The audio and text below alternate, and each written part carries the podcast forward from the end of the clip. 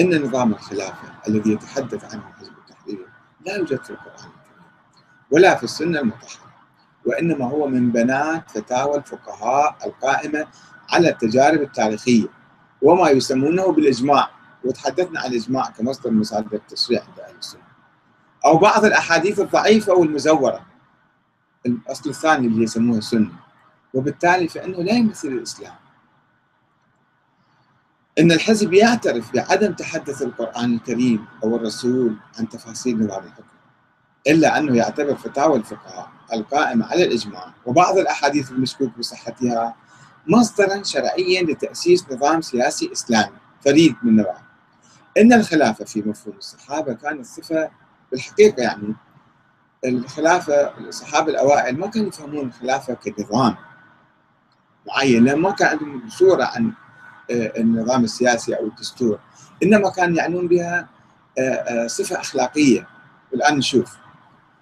إن الخلافة في مفهوم الصحابة كانت صفة أخلاقية وليست نظاما سياسيا.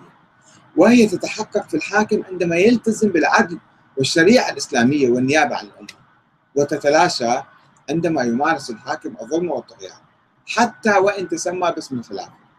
ومن هنا يزول الفرق بين الخليفة والحاكم العادي خاصة إذا كان الخليفة واسم الخليفة مو اسم شرعي يعني لا وارد بالقرآن ولا وارد بالسنة بهذا المعنى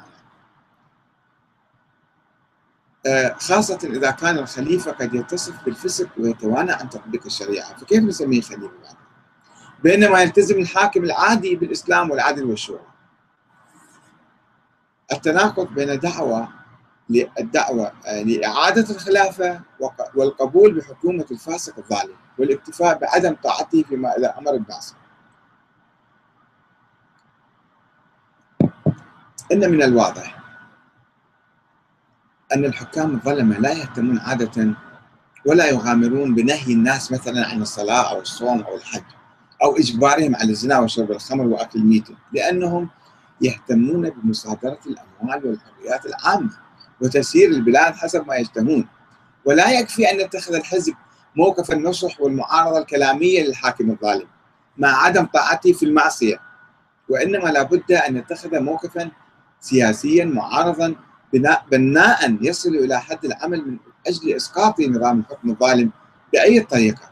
وخاصة إذا أغلق كل الأبواب السلمية للتغيير فألغى مثلا محكمة المظالم.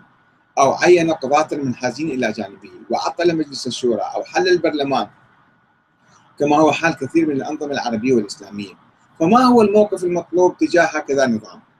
هل يلتزم حزب التحرير بالموقف السني التقليدي الذي يقول بضرورة الصبر والتسليم والخضوع له أم يقول بإمكان تغييره والعمل من أجل إسقاطه بأي وسيلة؟ صحيح أن الأنظمة الديمقراطية لا تعطي الناس الحق بأن يخالفوا القوانين والمراسيم والقرارات الرسمية أو الحق بالتمرد والخروج بالسلاح على الحاكم. إن هو خالف القوانين أو ارتكب ظلما. ولا نقول أن الحاكم يجب أن يكون معصوما. ولكن الأنظمة الديمقراطية تضع آلية لمحاسبة الحاكم وإسقاطه. إما عبر سحب الثقة منه أو الدعوة لانتخابات جديدة أو التظاهر والاعتصام وحتى استخدام السلاح إذا ما ألغى النظام الديمقراطي وانقلب على الأمة. فماذا يقدم حزب التحرير في هذا المجال وفي حالات مشابهة وهو لا يسمح بتحديد مدة الحكم ولا يعطي مجلس الشورى صلاحية محاسبة الحاكم ولا إسقاطه ولا يقول شيئا عند انقلاب الحاكم على الشريعة الإسلامية وعلى الأمة أين المشكلة؟ لماذا فشل حزب التحرير في تجاوز عقدة الاستبداد؟ في ظني أن حزب التحرير وقع في شراك الفكر الاستبدادي لأنه لم يقم بنقد تجربة الخلافة في التاريخ نقدا علميا ولم يضع يديه على عوامل سقوط الأمة الإسلامية وليس دولة الخلافة فقط وأهمها الاستبداد والدكتاتورية يعني ما قام بمحاولة نقد جذرية لنظام الخلافة، فقط نظام الخلافة الهيكل سقط في 1924 ويجب إعادته، أما كيف؟ على أي أسس؟ هذا ليس مهم، لم يبحث لم يفكر كثيرا في هذا المجال. كما لم يقم بنقد الفكر السياسي السني الموروث نقدا جذريا، فضلا عن نقد أصول الفكر السني. وهو وإن تأثر بالفكر الديمقراطي الحديث بنسبة معينة فقال بنيابة الخليفة عن الأمة في السلطان وبضرورة انتخاب مجلس الشورى إلا أنه قبل بمعظم فقرات وملامح الفكر السلطاني الاستبدادي القديم وذلك بسبب إيمانه بصحة كثير من الروايات الواردة في كتب الحديث كالبخاري ومسلم وقبوله بمبدأ الإجماع دون مناقشة كبيرة في التفاصيل رغم وجود الشك حول تحقق الإجماع في كثير من الأمور في الواقع. وبنائه على أسس واهية. وقبوله بهيمنة الحديث الضعيف على القرآن الكريم والسنة الثابتة كتخصيص أحاديث الصبر على ظلم الحكام وطاعتهم لعموم آيات العدل في القرآن تخصيص الآيات يعني. واعتبار ذلك تبيينا. أي تبيين هذا؟ ألغيت كل الآيات أنت في الحالة هذه. ما بينت ولا شرحت بالرغم من وجود التناقض الفاضح بين الصبر على ظلم الحكام والأمر بالعدل الوارد في القرآن وهو ما يدل على أن التخصيص ليس نوعا من التبيين وإنما هو نوع من النسخ والإلغاء وقد كان ذلك واضحا في تبني حزب التحرير لاستثناء الحكام من من عموم أحكام الظالمين والقول بعدم مقاومتهم رغم ارتكابهم لأكبر الجرائم ما داموا في الحكم وذلك التزاما منه بحكومة الأحاديث الضعيفة الظنية على الأحكام القاطعة الصريحة المطلقة الامره بالعدل الواردة في القرآن الكريم.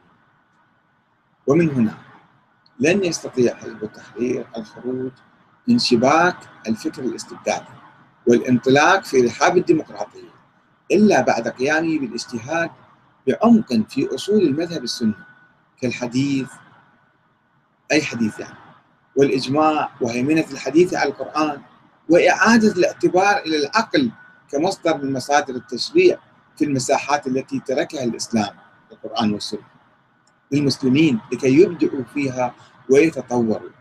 كمساحة الفكر السياسي الدستوري اللي ما ورد بالقرآن ولا بالسنة التي يعاني منها المسلمون كثيرا ويحتاجون إلى ثورة كبرى تنقذهم من واقع الظلم والاستبداد الذي يخيم عليهم ويشل إرادتهم ويعيقهم عن التقدم والوحدة والتحرر والاستقلال. وعندما يقوم حزب التحرير بتلك الثورة الفكرية الأصولية سيكتشف أن الديمقراطية لا تعادي الدين. لأن مجالها محصور فقط في الأمور العرفية والعقلية غير المنصوص عليها من الله. وأن ممارسة الأمة الإسلامية لدورها في خلافة الأرض يمر عبر الشورى أو الديمقراطية. فمتى يقوم حزب التحرير بهذه الثورة الفكرية؟ والسلام عليكم ورحمة الله وبركاته.